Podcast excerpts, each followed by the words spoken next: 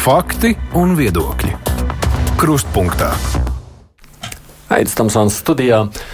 Nu, neviens cits no politiķiem šķiet nav tik daudz pēdējā laikā aprunāts kā ārlietu ministrs, iepriekšējais premjerministrs Krišāns Kariņš. Nu, gan arī par viņu gatavību kandidēt uz NATO ģenerālsekretāra amatu, gan, protams, izmantotajiem lidmašīnu reisiem, tad, kad viņš vēl bija premjera amatā. Bet, nu, protams, ir jau arī tie tiešie darba pienākumi, un pasaulē nepavisam nav tik mierīgi. Kariņš kungs šodien ir aicināts uz kruspunktā studiju, lai atbildētu uz žurnālistu un klausītāju uzdotajiem jautājumiem. Šeit Šeit ir mani kolēģi Artūrs Bikaus no TVNet. Sveiki! Sveiki, Aini! Girts Kasparāns pārstāv portālu LSM, tur ir ārzemziņa redaktors. Sveicināti! Labdien.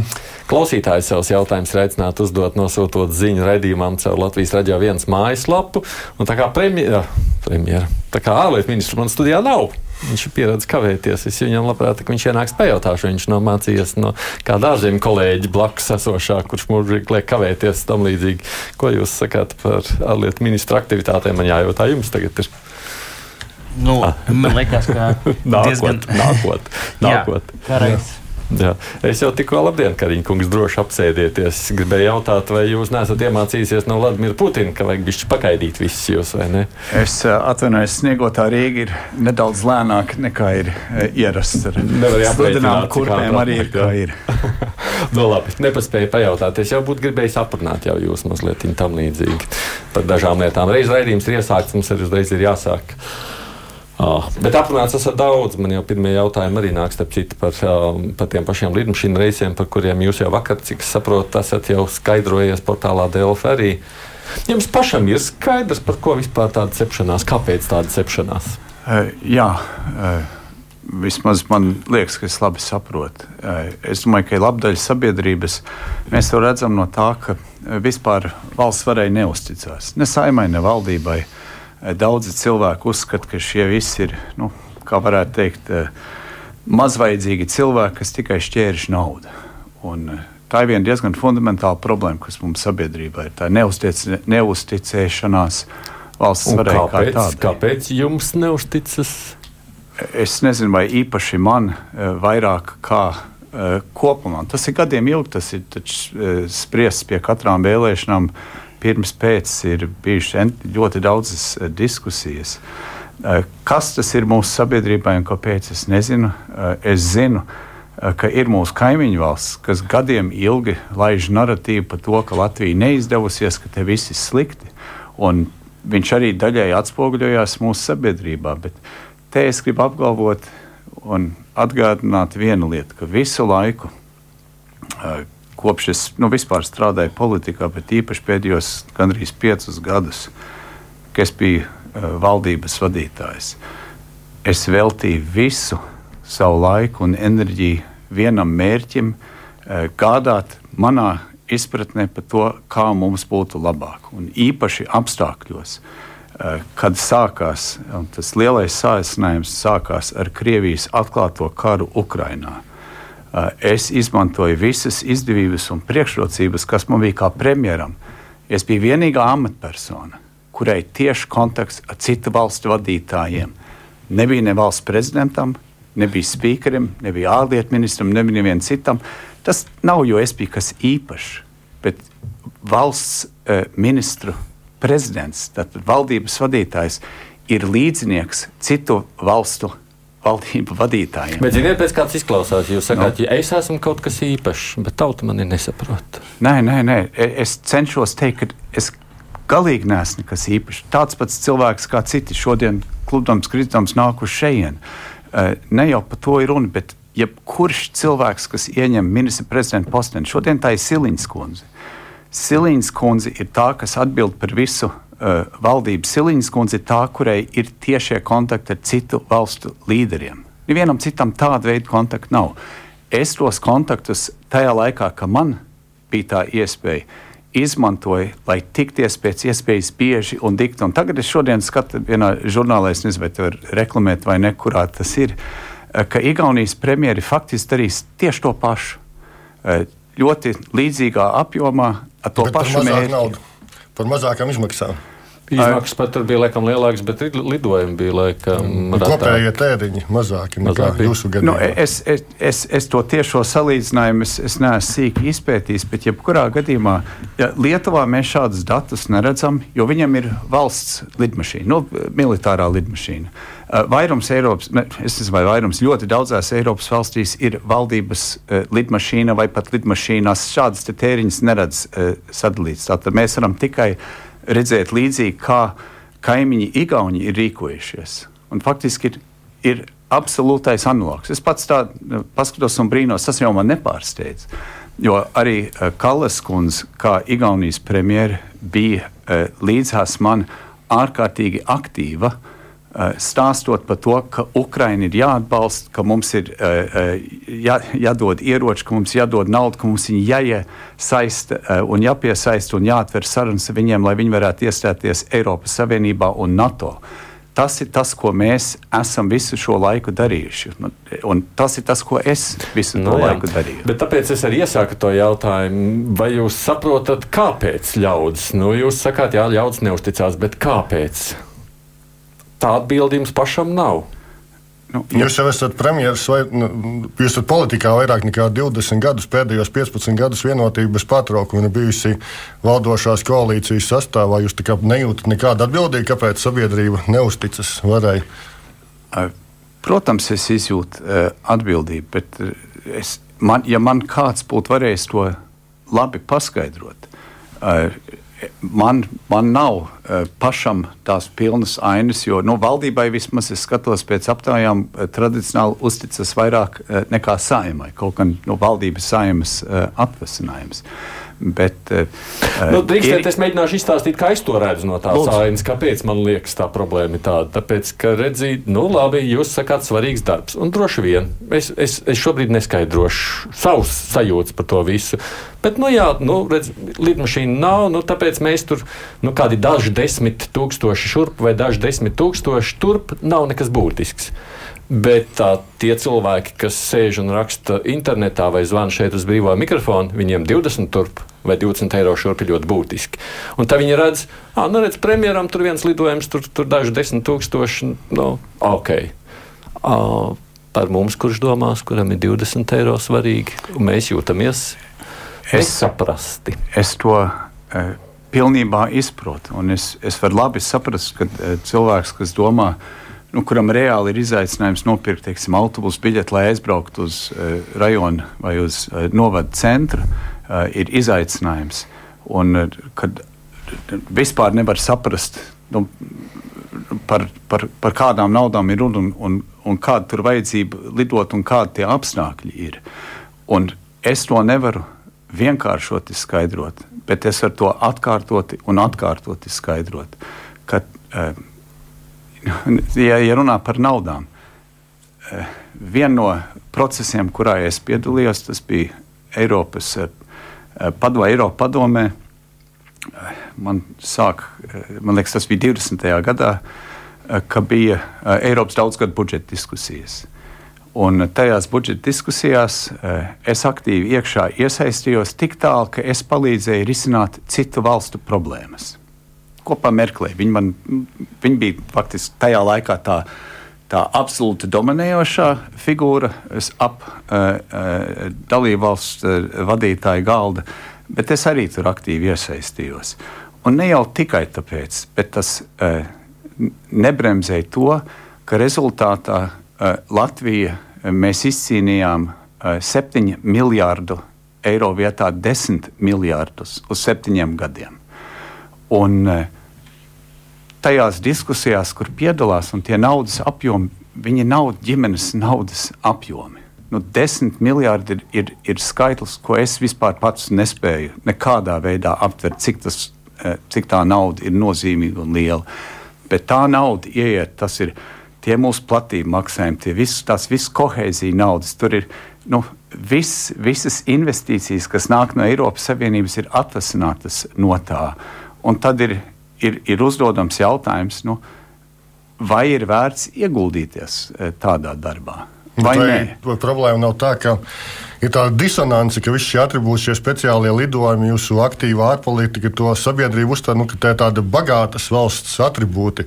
Un sabiedrība mums, acīm redzot, nejūtas, ka mēs esam bagātas valsts pilsoņi, vai jūs teiksim, jūtaties kā bagātas valsts politiķi? Nē, mēs neesam bagāta valsts. Tāpēc mēs izmantojam pamatā, visur pamatā jau komercreisi, un tad papildus ir šie speciālie reisi, līdzīgi kā Igaunija to dara.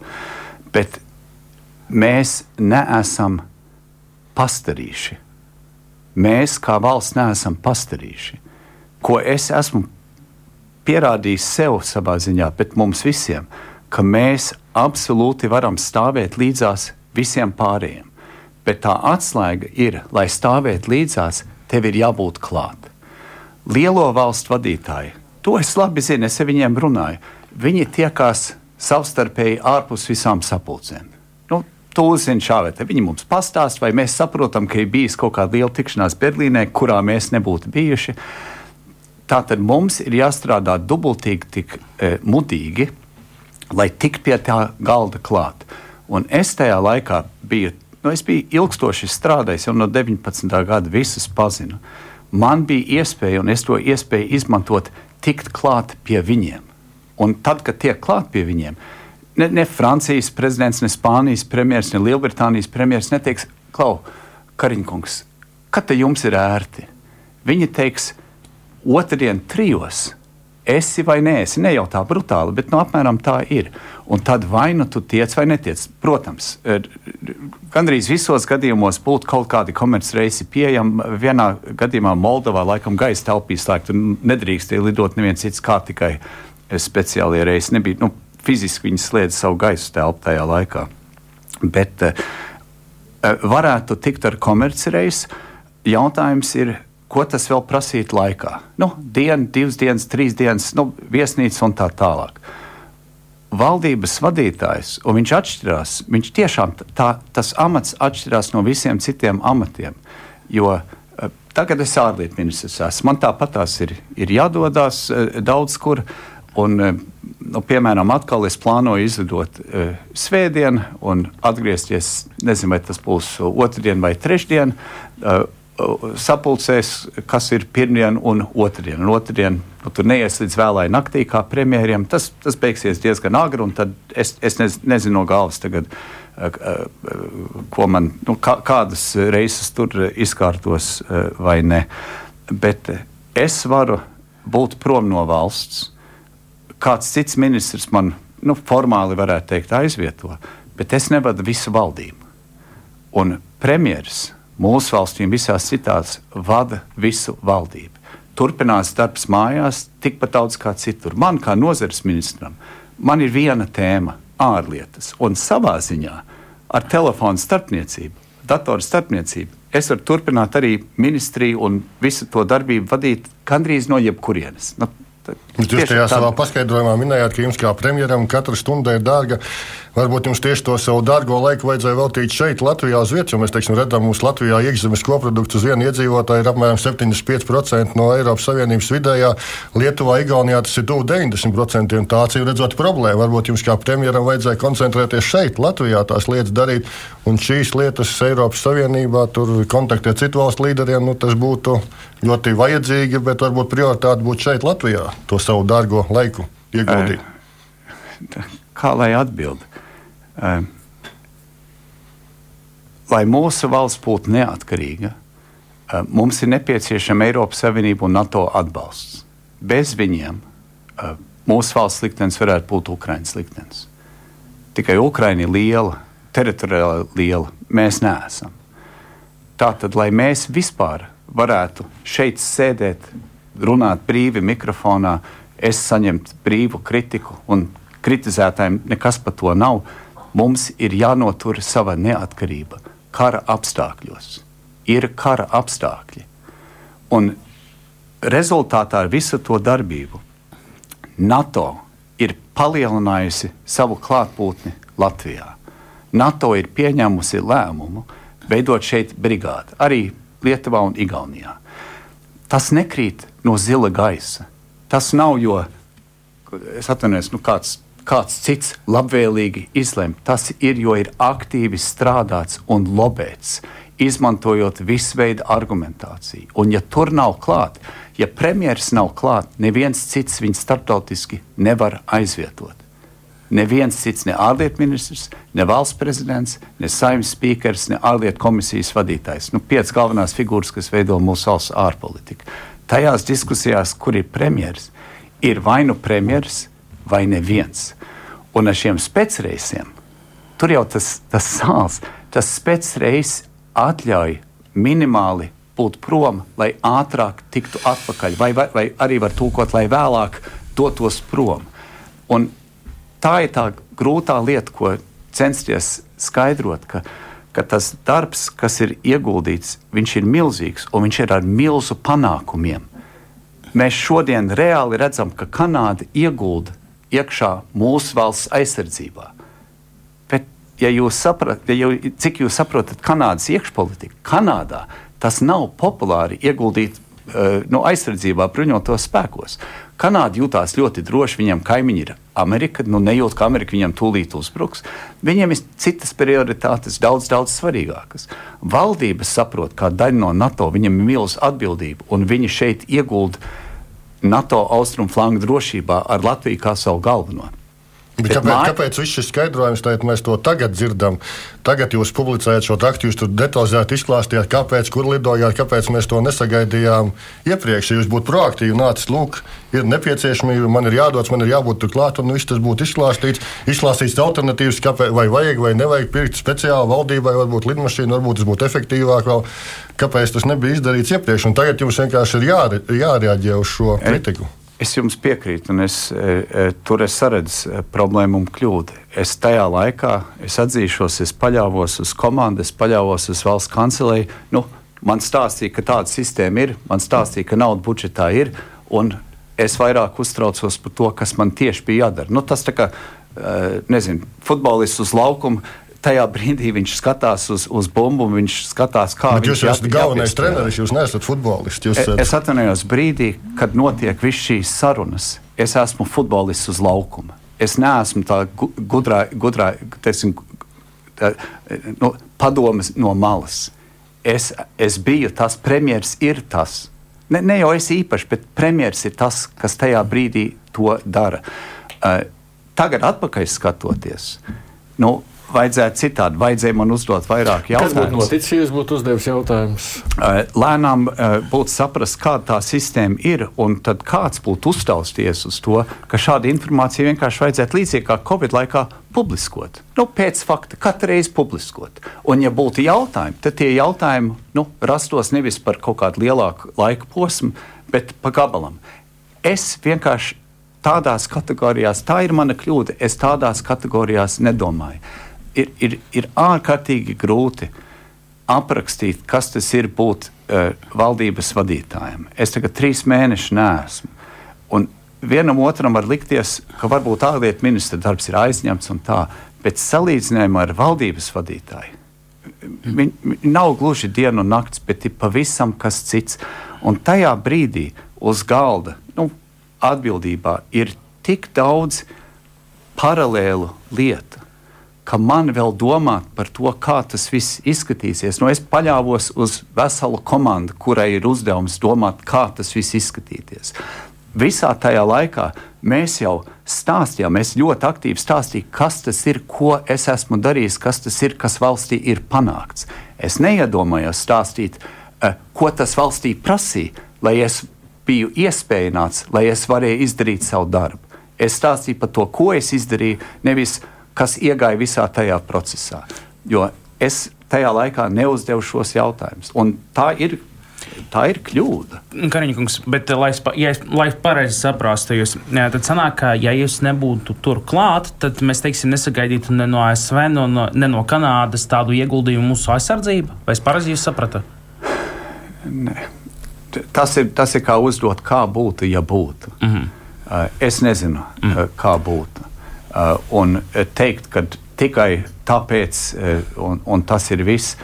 Bet es zinu, un es esmu redzējis un piedzīvojis, kā pieņem, starptaut, nu, kā pieņem šādus lēmumus. Tie lēmumi gribētu domāt, ka tur ir kaut kāda liela sistēma, algoritma un tā tālāk. bet gala beigās tie lēmumi notiek tieši tāpatās kā mums Latvijā.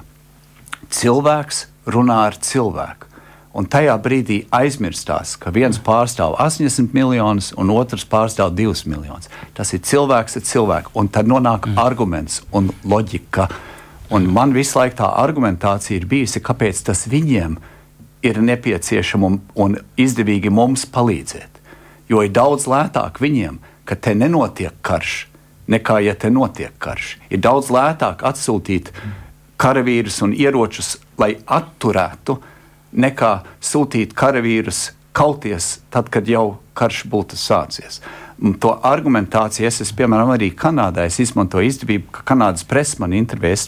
Aizvien es, man, man, mani aicina uz starptautisko presi, es cenšos šo visu skaidrot arī viņu klausītājiem, lai viņi saprastu, kāpēc viņiem, kāpēc viņiem būtu jārūpējas par tādu Latviju. Jo mums rūp Latvija bet mums ir jāiestāsta citiem, kāpēc arī viņiem tas rūp. Kaut kā viņiem tas neliekas paši par sevi saprotam. Tas ir tas darbs, ko es nu, šos četru, pusgadus, piecus gadu garumā darīju. Tā ir tā stafete, ko Siliņas kundze ir pārņēmusi. Es kā ārlietu ministrs, nu, kā varētu teikt, tāda tā kā artilērija no malas, daru, ko varu. Bet ārlietu ministrs nav tas, kas tiekās ar premjeru. Nu, labi, varbūt vēl kāds no, no, no kolēģiem labprāt tiktos, bet tā pamatruna ir starp izpildvaras vadītāju un izpildvaras vadītāju. Un visi galvenie lēmumi šobrīd ir pieņemti. Tagad mēs runājam tālāk par to lēmumu izpildu. Nu, tā brigāde tiešām tiek izveidota, eh, kad NATO, eh, un, un tur ļoti svarīgi, eh, kad vasarā Viļņā mēs pieņēmām klāt, mēs pieņēmām aizsardzības plānus. Es ilgstoši arī pagājušā otrdienā ilgstoši runāju ar, ar, ar NATO militāro virspavēlnieku kurš sēž Briselē, ļoti inteliģents ģenerālis no Savienotajām valstīm, kas izrādās tieši mans vienaudzis, dzimuši vienā tajā pašā gadā un mācījies augstskolā, kas bija manas augstskolas vislielākā pretiniece uz futbola laukumu. Un bija jau ko runāt un ko pasmieties. Bet viņš man stāstīja agrāk un arī šoreiz, cik svarīgi šie plāni ir. Eh, tas ir viss komandas struktūra un tā, un tas galvenais tagad mums visiem ir ir tos plānus īstenot. Nu, ir jābūt par to mēs te parunāsim tūlīt, protams. Liekam iekšā. Vienkārši pabeidzot, pabeidzot šo tēmatu vienkārši par tām lidmašīnām, nu es arī redzu, ir kaudze ar šobrīd klausītāju reakcijām. Nu, daļa nesaprot, daļa saprot. Apmēram tā es varētu sacīt, puses puses. Iespējams, ka jūsu komunikācijas komandai vajadzētu pārvērtēt, ja apstīties šo vienīgais Arnolds piemin to jūsu sacīto par tām izmaksām. Nu, ja Igaunija par, kā te rakstīts, 18 lidojumu lidojumiem Latvija samaksāja 1,3 miljonus, tad Igaunija par 28 samaksāja 0,9 miljonus. Tad prasīt, kāpēc tad mums pēkšņi jālidoja krietni dārgāk nekā Igauniem. Varēsiet izpētīt iespējams šo jautājumu. Pabeidzam ar šo ejam uz citiem tematiem. Nākošais. Nu, ja nākamais temats būtu NATO, jo jūs vienkārši to ieskicējat, es labprāt ar to sāktu. Uh, it sevišķi arī par Starp citu, arī runājot par sabiedrības reakciju, ka jums liekas, ka sabiedrība reaģē uz to, ka jūs potenciāli varētu kļūt par ģenerālsekretāru, vai jūs arī novērojat to, ka daļa no sabiedrības arī ir sašutumā? Daļēji tāpēc, ka laikam, tas viss ir sanācis tieši tobrīd, kā uh, ir izvirzīta situācija ar uh, lidojumiem, vai arī tāpēc, ka tas ir vienkārši attieksme, sabiedrības attieksme pret jums. Kā jūs reaģējat uz to?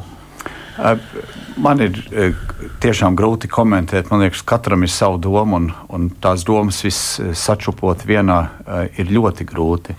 Bet viena lieta gan es esmu manījis, un to es esmu manījis avīzē. Tur viena otra tāda ļoti redzama, nu, šādā jomā ietekmīgi arī cilvēki, kas ir mācību spēku un, un apmāca cits un tā. Un es nolasu to, kurš tad tur teica, nu, ko tu te ir iedomājies, ka Latvija tagad pēkšņi kaut kas. Un tad man pielec, ka tur ir viss tā sāls grūtība, kas ir, ka mūsos mīt iekšā ārkārtīgi liela nedrošība par sevi, neticība. Bet ja tā padomā, un es tiešām daudz par šo domāju, Mans vecais tēvs bija viens no strēlniekiem. Ar jukumu vāciet, un arī tā skaitā Krievijas pilsoņu karā ir karoj, karojis tieši artilērists bijis.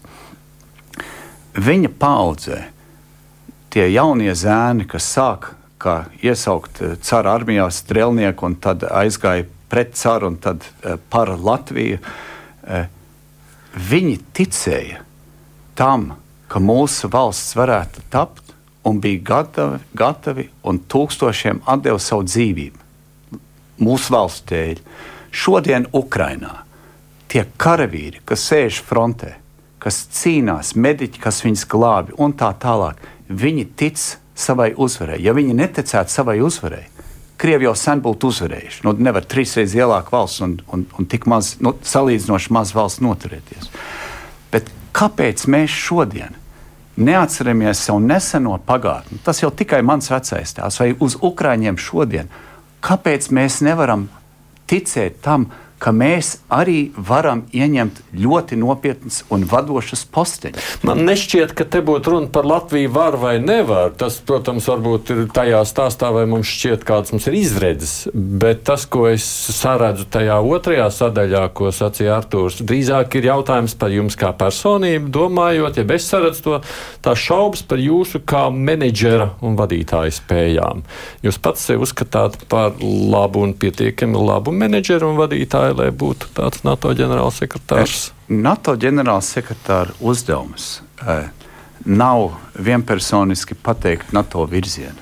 NATO ģenerālsekretāra uzdevums ir saturēt kopā 31, tūlīt 32 eh, valstis ar vienotu mērķi, protams, ar savu redzējumu, uzstājot, kam tam mērķim būtu jābūt. Bet viņam jārunā visu valsts uh, uh, vārdā.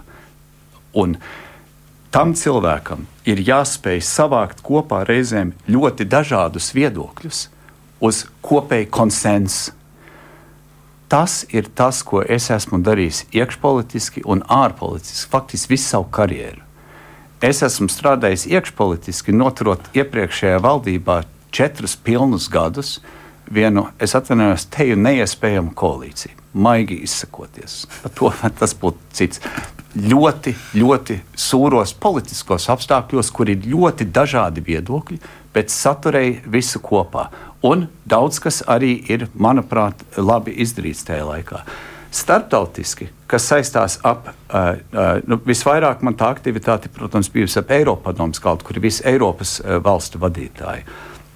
Ļoti daudzās reizēs es esmu bijis pie tiem, kas ir palīdzējis izveidot to kopu viedokli un argumentējis. Uh, uh, nu, piemēram, uh, viens no lielajiem jautājumiem bija, vai Eiropa atzīs Ukraina kā kandidātu valsts. Šobrīd viņai ir kandidātu valsts status, tagad nākamā nedēļa mēs cīnīsimies, lai viņai dot formālu uzaicinājumu. Pirmā šī saruna, kas mums bija notiek ļoti graznos apstākļos Versaļas pilī, eh, tajā spoguļu zālē, kur kā turisti maksā un gaida stundām ilgi. Es divas diennaktis pavadīju tajā zālē, sēžot, ēdot, eh, strīdoties, eh, diskutējot. Jo bija tā, ka par Ukraiņu nekādīgi nevarēja vienoties. Un beigās mēs palikām tikai divi, kas vēl iestājās, citi bija uzdevuši, tas bija Polijas premjerministrs. Pretējā pusē tas bija Nīderlandes premjerministrs, nu, kurš bija tas asākais, ka to nevajag. Un vēl es atceros, ka kolēģi teica, Krišāna izēja ar to marku blakus telpā, izstrīdāties un atnāciet atpakaļ, kad ir uh, vienāds viedoklis. Martā es to vēl nepanācu. Jūnijā mēs to pieņēmām. Un es tajā procesā biju ļoti dziļi iekšā, pavisam saknē iekšā. Uh, Tas ir tas, ko es esmu darījis. Visi, visi lēmēji par NATO ģenerālsekretāru mani personīgi pazīst. Es ar viņiem esmu strādājis. Es gribu teikt, ka Lietuvas, Igaunijas vadītāji neatbalstīja Ukraiņas ceļu uz Eiropas Savienību. Jūs sakat, ka jūs bijat uh, ar Polijas. Es gribu teikt, vienīgie. ka kaut kur divos, trijos naktī mēs divi pārējie bija, ah, tas tāpatās nebūs. Un bija uzdevuši tajā brīdī to cīņu. Mēs palikām tajā brīdī divi. Jā, Tajā brīdī es paliku kā viens no diviem kopā ar Polijas premjeru. Teiksim, tā ir viena lieta, Eiropadome. Ja jūs kļūsiet par NATO ģenerālsekretāru, kāds ir labums Latvijai no tā? Tas ir tiešām labs un pareizs jautājums, jo, protams, tas jau Latvija ir kā daļa no NATO. Bet mums, kā NATO valstī, visvairāk interesē, ka ir miers. Nu, kam tā vairāk var interesēt miers kā Latvijai, Lietuvai, Igaunijai? Jo, ja Dievs nedod, ja būtu jebkad nākotnē konfrontācija pret NATO un Krieviju, tā ļoti iespējams būtu mūsu teritorijā. Ja tas ir starp NATO un, un Krieviju, uh, nu, geogrāfijas un, un ļoti nu, daudz, daudz iemeslu dēļ. Tātad, ja, ja es būtu NATO ģenerālsekretārs, man iekšā, nu, tas būtu tā, tā, tāds nerakstīts, ir tas, ka es darītu intuitīvi un instinktīvi pilnīgi viss, lai NATO būtu tik spēcīgs un vienots, ka nekad tāds karš nevarētu notikt. Arī, arī ieskaitot ar Ungārijas atbalstu tam. Nu, tur būtu nepieciešams. Ja, tāpēc es jautāju, jo nu, mēs ejam mazliet uz priekšu, skatoties, Zīgas te prasa, vai nebūtu laiks izslēgt no Eiropas Savienības Ungāriju. Mēs redzam, ka tā, tā Ungārijas izsolījusi, ka viņi tad, tad būs gatavi turpināt šo dienas kārtību, tad, ja runas par Ukrainas piedalīšanos, jeb uzsākšanu sarunu ar Ukrainu tiktu izslēgts no darba kārtības. Jā, šis ir eh, šobrīd ļoti uh, asi sāpīgs jautājums. Uh, Ungārā ir Ungārijas premjera, es uh, sen uh, pazīstu. Viņa politiskā partija Fidesz agrāk bija daļa no Eiropas Tautas partijas grupas, kur arī nu, jaunā vienotība, vienotība ir daļa no Eiropas Tautas partijas. Tur arī Vācijas kristīgie demokrāti, Zviedru moderāti un, un citi. Un tur bija kādas divas, trīs gadus debates par to, vai, vai Fidesz Orbāna partija iedaras vai neiedaras šajā Jā. partiju ģimenē, kamēr beigās izlēma, ka neiedaras un aicināja viņus atstāt.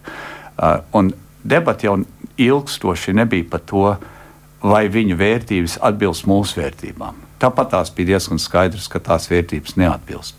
Tā argumentācija bija tā, ka kamēr Fidesz ir Eiropas Tautas partijā, ar viņiem var runāt un viņas var padarīt mērenākus. Izejot ārā, viņi aizies pie nu, daudz labējākiem un būs nu, teiksim, ekstrēmālāki. Un tas arī nu, piepildās. Tagad Fidesz ir ārpusē. Nu, viņi, viņiem nav tā lielā ģimene, kas viņus vēl kaut cik uh, satura, nu, tā vienkāršoti runājot. Un tagad tas, tas jautājums par būt vai nebūt politiskā ģimenē, nu, varētu no malas arī argumentēti teikt, nu, pagad, nu, tas varbūt nav tas visizšķirošākais. Bet būt daļa vai nebūt, nebūt daļa no Eiropas Savienības, uh, nu, tad tas gan ir liels jautājums. Un šeit uh, es uh, neesmu uzskatos, uh, ka Ungārijai nav vietas Eiropas Savienībā. Es esmu uzskatos, ka mums jādara viss, lai Ungārija atbilstu Eiropas Savienības pamatvērtībām, likumvarai, tiesvarai, nu, tā atšķirība no politiskās varas un tā tālāk. Un vai tur ir izaicinājumi? Jā. Vai mums savā ziņā šobrīd traucē tas tā nepieciešamība, ka ir vienbalsība. Jā, šajā gadījumā, jā, citreiz mums patiktos, ka ir vienbalsība, jo tad mums arī būtu iespēja varbūt teikt nē. Bet tagad, kad ir viens, kas saka pret visiem pārējiem, tas ir ārkārtīgi traucējoši. Tas ir liels jautājums par to, bet viņš arī attiec, viņš, mēs šo pašu jautājumu varam uzdot par apvienotām nācijām, par ANO drošības padomu, kur Krievija un Ķīna sēž un visam uzliek veto. Uh, nu, ir, ir rezolūcija ka nosodīt Krieviju par karu Ukrajinā. Nu, Krievija uzliek veto. Mēs jau negrasāmies kļūt par, es ceru, tādu kā ANO drošības padomu. No manas skatījuma, ja es vienkārši, ja es vienkārši pareizi sapratu, tad, tad jūsu loģika ir tā, ka, ja mēs teiksim, eh, panāksim to, ka Ungārija vairs nebūs Eiropas Savienības valsts, tad attiecīgi tā ir tā radikalizēsies. Uh, Kāpēc jums ir tāds pieņēmums? Un otrām kārtām, mm, pieņemsim, ka Ungārija radikalizēsies. Kāpēc tas, teiksim, Latvijai vai Eiropas Savienībai būs sliktāk? Nu, ja mēs paskatāmies geogrāfiski, iedomājamies kartē eh, eh, mūsu reģionu, Eiropas austrumu daļu eh, pie Krievijas robežas, ir pilnīgi skaidrs, ka tā doma, ka kāda valsts var pastāvēt nosacīta neitrāla, tas nepastāv. Ir vai nu Eiropa un NATO vai Krievija. Uh, Ukraina ir tieši piemērs tam. Nu, viņa pastāvēja pat ne Eiropas Savienībā, ne NATO, un rezultātā Krievija jutās gana droša uh, uzbrukt un jutās gana droši turpināt to karu. Viņa bruņošanās tempi, uh, nežēlistību, tur sūtot un sūtot atkal un atkal jaunus zēnus uz savām nāvēm Ukrajinā. Tas neaptur viņas vadību un šķiet viņas tauta no tā, ka, ka kopēji šāds atbalsts ir. Ja Ungārija nebūtu daļa Eiropas Savienības un NATO, nu tad kur te viņi būtu? Nu, apmēram turpatās, kur Baltkrievija šodien ir. Nu, nu, faktiski, nu, drīzāk turpat, kur Serbija vai kas tur vēl ir, Albānija vai, ir Albānija, vai Irknis, kurš varētu gribēt, bet nav. Nu, uh, paga, paga, Albānija ir, ir NATO uh, iekšā un viens labs sabiedrotais, un Albānija ir no valstīm, kura mēs... grib iestāties Eiropas Savienībā. Neuzņemamies viņām ilgi. Ir, ir, ir desmit valsts, kas gribētu. Bet es domāju, ka tā, tā ir šobrīd tā ir tāda, es izprotu emocijas, bet mums vajag arī paskatīties tīri pragmatiski, šobrīd Eiropai ir liels izaicinājums mhm. uh, par, ar, par to, cik gatavojoties nākamā nedēļa, vispirms ir pirmdiena, otrdiena ārlietu ministri, tad ceturtdiena, piekdiena premjeri. Ja viss iet gludi, starp ārlietu ministriem mēs izlemtu uzaicināt Ukrainu un premjeri, kas saka, uh, apsveikt to un, un visi spies viens otram roku un, un Ziļenskim ar. Uh, mana prognoze, pirmdien, otrdien mēs to diskutēsim. Nu, lai pareizāk latviešu sakot, mēs strīdēsimies par šo. Mēs centīsimies uzzināt, kas ir tie īstie argumenti un vai tur ir kaut kāda tirgošanās elements. Jo Eiropas Savienība ir apturējusi Ungāriju 13 vairāk miljardu eiro atbalstu, balstoties uz to, ka Ungārija neatbilst visām. Nu, uh, uh, Eiropas komisijas prāt visām teiksim, likumvaras prasībām.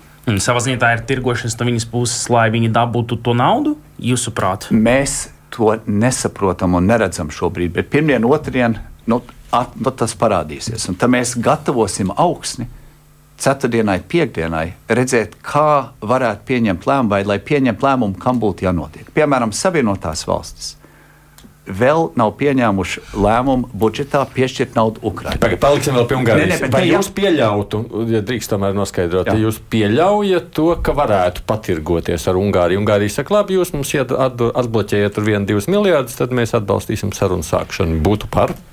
Uh, es gribu teikt, un man te uzmanīgi jāizsakās, es apzinos, ka es esmu mūsu valsts ārlietu ministrs.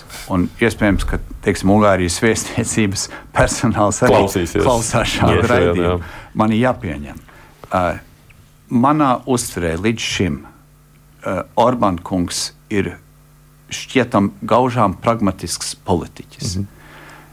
Tas, kas ir grūti šoreiz, ka šoreiz nenolasās tas pragmatiskais aspekts. Proti, šoreiz tā kā viņš runā publiski, tas vairāk izklausās, ka tas ir principu jautājums, nevis uh, prasību jautājums. Un es, es gribu par tām savienotām valstīm, bet tas nepaliek karajoties. Apakšpalāts kongress prezidentam nepiešķir viņa pieprasīto naudu līdz šim par Ukraiņu, bet tur ir, ir nonāks tik tālu, ka ir tirgošanās. Ir jo viņi saka, paga, paga, nofinansēt tur robežu apsardzi, nu, mig, migrācijas kontroli, un tad mēs nofinansēsim arī Ukraiņas atbalstu. Vismaz ir tirgošanās, un politiķi, lai no ko mēs tiekam labi galā, mēs tiekam labi galā, ka ir par ko nu, tirgoties, ir par ko runāt. Ungārijas gadījumā par Ukraiņu šobrīd neparādās vēl, ka būtu kaut kas, jo parasti nu, es kaut kam nepiekrītu, nu, es gribu A, jūs gribat B. Nu, mēs, bet tad, Pēc, mēs, ja būtu tirgošanās elements, jūs teikt, ir vērts runāt. E, ir vienmēr vērts izsvērt visus plusus un mīnus, un kas ir galvenais. Un Latvijai galvenais šobrīd ir, ka mēs atveram sarunas ar Ukraiņu ceļā uz Eiropas Savienību. Un ja Kāpēc? mēs neatveram, un ja mēs, ja mēs secinām nākamās nedēļas beigās, kad nesanāca. Ko man vajadzētu, nu, ko man vajadzētu secināt kā vienam parastam iedzīvotājam? Es ceru, ka tāds esmu. Ir viena lieta, kur Eiropā ir ļoti liela pieredze. Tas ir apstākļos, ja nevar vienoties, atrast veidu, kā vienoties, ka mēs turpināsim strādāt, nospraust nākamo mērķi un vienosimies tad, jo formālais lēmums vai teiksim, procedūra laikam tikai uzsāktos martā. Tātad nosacīti ir jau kaut kāds laiks, jau ieprogrammēts. Bet jūs saprotat, kāpēc man gribas pasūtīt to Ungārijas deviņas mājas tālāk? Un Es to simtprocentīgi saprotu. Un varbūt, ja es nebūtu radio ēterā un, un mēs sēdētu jūsu dzīvojuma istabā, es arī vienu otru savu privāto domu izteiktu. Bet šobrīd es izsaku, man tiešām jāizsakās kā Latvijas ārlietu ministram.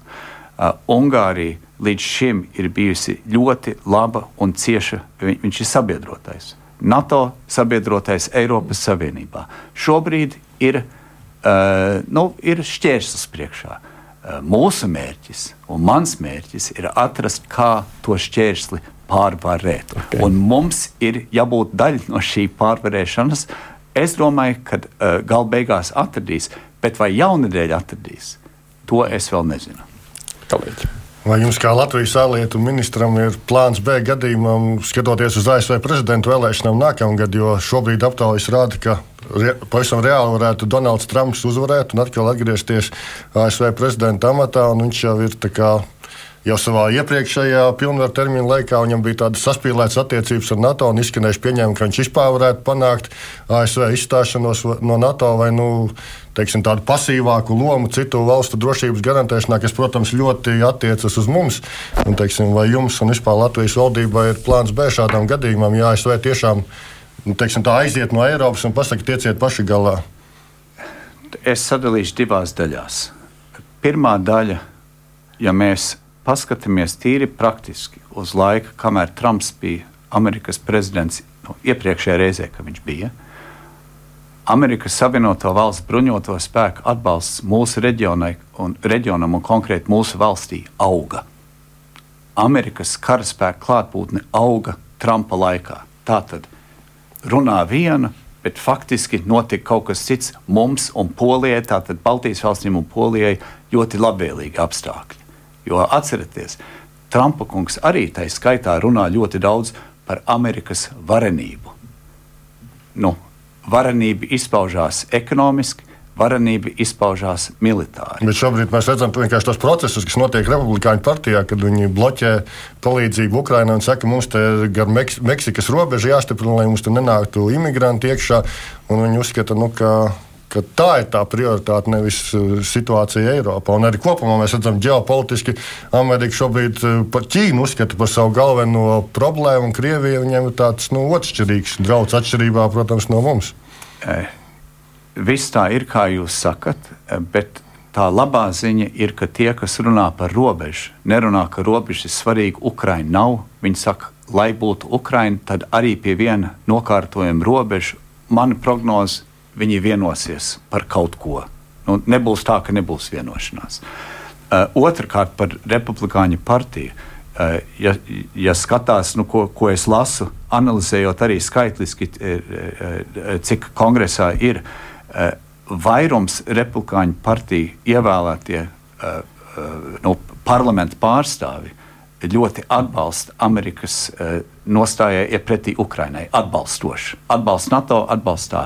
Ir mazākums Republikāņu partijā, kas to neatbalsta, bet tas mazākums, un tur ir kādi desmit individi, ir starpība starp vairākumu apakšpalātā un mazākumu.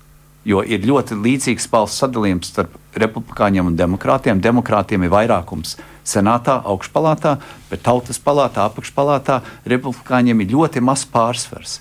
Un tie, kas ir nu, tā, nu, kas, saka, tie, kas tur zelta kārti, kā reizi tie, kuri šķiet individuāli uh, netic tam visam. Es pats esmu pieteicis, uh, un es ceru, uh, ka apstiprināsies iespēja doties uz val Savienotām valstīm tieši lai tiktos ar šiem individuāliem republikāņu pārstāvjiem, kuri netic tam, ka būtu jāatbalsta Ukraina. Es gribu iespēju ar viņiem runāt, kā Latvijas ārlietu ministrs, skaidrot viņiem, Kāpēc tas faktiski, manuprāt, ir viņu valsts interesēs eh, to uh, atbalstīt, jo tas tā skaitā palielina Savienoto valstu lomu pasaulē, padara viņus spēcīgākus un varenākus. Mm. Tas ir man, man pieteikts, ka iespēja būt to darīšu. Otra daļa ir, mēs jau kā Latvija neesam pasīvi vai tikai skatoši, ka mums, nu, kāds par mums gādās. Mēs ieguldām diezgan nopietni savā aizsardzībā. Uh, budžetā, ko šodien uh, jau debatēs saimā, 2,4% IKP aizies, dažu gadu laikā tas aizies uz 3%. Mums ir valsts aizsardzības dienas, kur, paldies Dievam, tiešām ar prieku skatos, jaunieši ļoti aktīvi arī brīvprātīgi piesakās. Mēs esam procesā iegādāties diezgan nopietnas aizsardzības sistēmas, ieroču sistēmas, tā skaitā gaisa aizsardzību. Tātad mēs sevi ieguldām. Un Eiropā uh, iegulda arī Vācija, iegulda citas valstis, un Latvija gar, galvenais karaspēks, kas mūs atbalsta, ir tieši Kanāda, kur arī ir jau pieņēmusi budžeta lēmumus mūs atbalstīt. Tātad nav, ka, uh, kā varētu teikt, ka, ka desmit republikāņu kongresmeņi noteiks visu tālāko attīstību Savienotajās valstīs un NATO. Šobrīd viņi ir ļoti lielā spēka pozīcijā, lai panāktu budžeta sarunās lēmumu. Nu, tā kā šodien saimā. Valdībai ir pārbalsts pārsvars. Nu, ļoti svarīgi, ka visas balsis ir un tiek darīts viss, lai tās balsis arī būtu. Tas pats jau notiek Savienotajās valstīs. Tikai mērogi citur pielieciet vēl 3, 4 nulles, bet tā doma jau tāpat. Un, protams, es skatos ar ļoti vērīgu aci uz notikumu attīstību Savienotajās valstīs. Viņi pakāpeniski šobrīd virzās tajā virzienā, kur viņi vēsturiski pamatā bijuši. Tas ir vairāk kā pro, nu, ne, ne protekcionisms, bet uh, atkabināti no pāriem. Savienoto valstu vēsturē, vispār viņa izveidošanas vēsturē, ir iebūvēts tas, ka cilvēki ir devušies uz Ameriku, lai tiktu prom no savām vecām mājām, tiktu prom no vecām problēmām. Viņi negribēja iesaistīties Pirmā pasaules karā, bet iesaistījās beigās. Negribēja iesaistīties Otrā pasaules karā, bet 7. decembrī, kurā 42. gadā, laikam šodien 42. gadā. 41. 41. gadā, jā, laikam, bet bija laikam 7. Jā. decembris, kad Havaju salās Japāņi bombardēja, tad viņi iesaistījās karā kopš tā laika arī uh, uzvarot, uh, būdami uzvarētāju pusē karā, viņi ir ieņēmuši agrāk Lielbritānijas lomu kā pasaules policists nu, noteicēji. Un tagad atkal aug šaubas, vai viņiem šo lomu vajag noturēt. Tātad, protams, mums no vienas puses transatlantiskās attiecības runāt ar skeptiķiem Amerikā caur presi, caur tiešiem kontaktiem. Tas ir tiešais uzdevums, un to mēs arī darām. Tajā pašā laikā mums ļoti interesē, ka Eiropas Savienība arī nu, ienāk savā nu, lepnumā un drošībā, drošumā un uzņemās lielāku atbildību arī par sevi. Un Makrons ir runājis par šo strateģisku autonomiju. Es ar viņu esmu arī pie viņa Parīzē strīdējies, lai tiktu prom no tā, ka tas būtu kā tāds antitransatlantisms, bet tā doma jau ir pareiza. Mums ir jāstiprina sevi kā to var darīt. Tas, tas bija tas, ko es gribēju pateikt. Jo mēs, tas fakts, ka mēs apriežam to, cik nu, savā ziņā mēs esam atkarīgi no vēlēšanām Amerikas Savienotajās valstīs. Jā, pats par sevi liek aizdomāties par to, ka varbūt mums kaut kādā veidā vajadzētu mazināt šo atkarību. Tad kā mēs to varam darīt? Vai nevar, teiksim, atkal aktualizēt sarunas par Eiropas armijas izveidi? Es neuzskatu, ka mums, jā, es, es neformulēju to, ka mums vajadzētu samazināt savu nu, sadarbību vai, vai transatlantisko.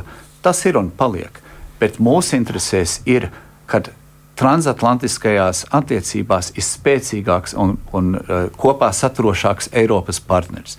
Tagad par uh, Eiropas armiju nu, mums jau ir pieņemts, ka uh, uh, NATO virspavēlniekam laikam būs 350 tūkstoši pieejami karavīri no uh, visām valstīm. Arī Latvijas bruņoties spēki iedarās šajos plānos un ir uh, kopīgi NATO mobilizējami eh, skaidrā komandas ķēdē. Eh, mēs neesam vieni paši, eh, mēs esam daļa no. Tik tālu varbūt nebūtu jāveido atsevišķa armija, bet kas mums Eiropā ir darāms, ir ļoti praktiskas lietas.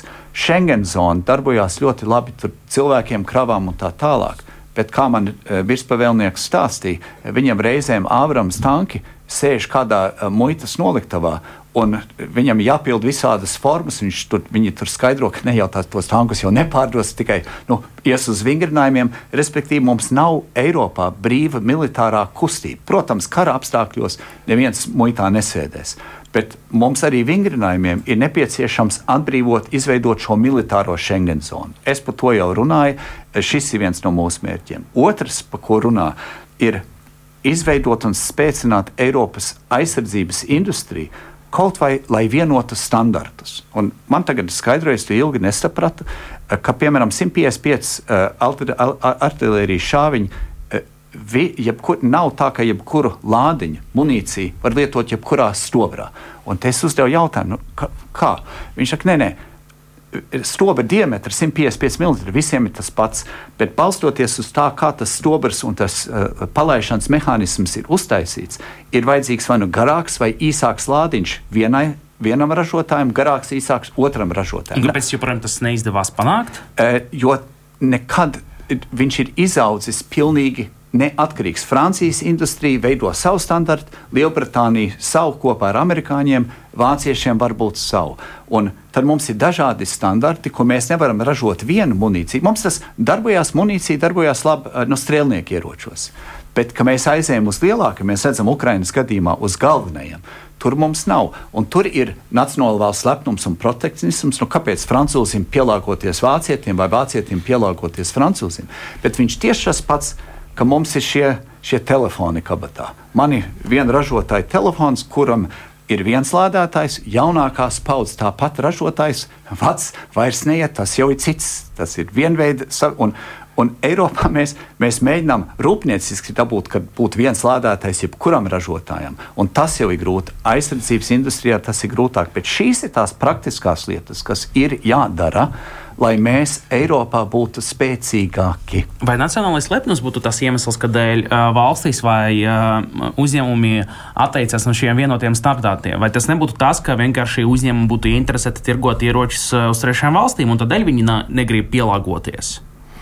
Uh, viņš nav tā, ka kāds būtu atteicies no standartiem. Katrā valstī izveidojās savi. Un tad, ja salīdzina nu, tādā grafikā, uh, uh, Savienoto valstu teiksim, platforma dažādība, nu, teiksim tā, un Eiropas platforma dažādība. Eiropa ir kaut kur divi līdz trīs reizes bagātīgāka. Nu, ir visādi veidi, kur nav tās pašas rezerves daļas, droši vien nelieto to pašu eļļu, uh, nu, un nu, filtri dažādi. Nu, nav, nav tā savienojamība, un tas apbrīnojamais šo visu apjēdzot. Tas var tikai vēlreiz apbrīnot Ukraiņas armijas spēju absorbēt un izmantot paralēli amerikāņu sistēmas, franču sistēmas, zviedru sistēmas, vācu sistēmas un tā tālāk, kur, ja apmāca uz vienu, es tā saprotu, tas ir nu, pilots. Nu, vispār prot lidot, bet lidot uz Boeing vai lidot uz Airbus, tās ir divas dažādas certifikācijas. Nu, princips jau ir tas pats, bet uh, pagaidiet, kur ir kloķis nolaist riteņus, nu, tā elementāri tur ir pavisam cits, un tev ir jāpārmācās. Un, ja mēs varētu Eiropā samazināt to platformu dažādību, dabūt lielāku savienojamību, tad mums būtu vieglāk, ātrāk un straujāk saražot nepieciešamos aizsardzības. Mm ieročus un munīciju, kas mums ir. Tas mazinātu mūsu atkarību no ASV. Ja? Jā, un to es jums saku paldies, kolēģi, tāpēc, ka laiks ir aizskrējis. Nu, mums, protams, sanāca runāt arī daudz par lietām, kas vēl ir ar vēsturi saistītas. Ārlietu ministrs Krišāns Kariņš bija šeit krustpunktā studijā. Paldies, paldies ka atnācāt. Saku paldies kolēģiem. Mums arī Girts uh, Kasparāns no portāla LSM, Arturs Bikaus no TVNet. Paldies. Rīt, kā jau parasti piekdienās, mēs uh, ar žurnālistiem pārstīsim nedēļas aktuālu aktualitātes. Noteikti arī par drošības situāciju runāsim, par Putina izteiktiem draudiem un vēl šādām tādām lietām, kas arī aktuāls ir mums šeit, šeit Latvijā. Procenti jau zējas, tad jābija reiz Aidis Tomsons.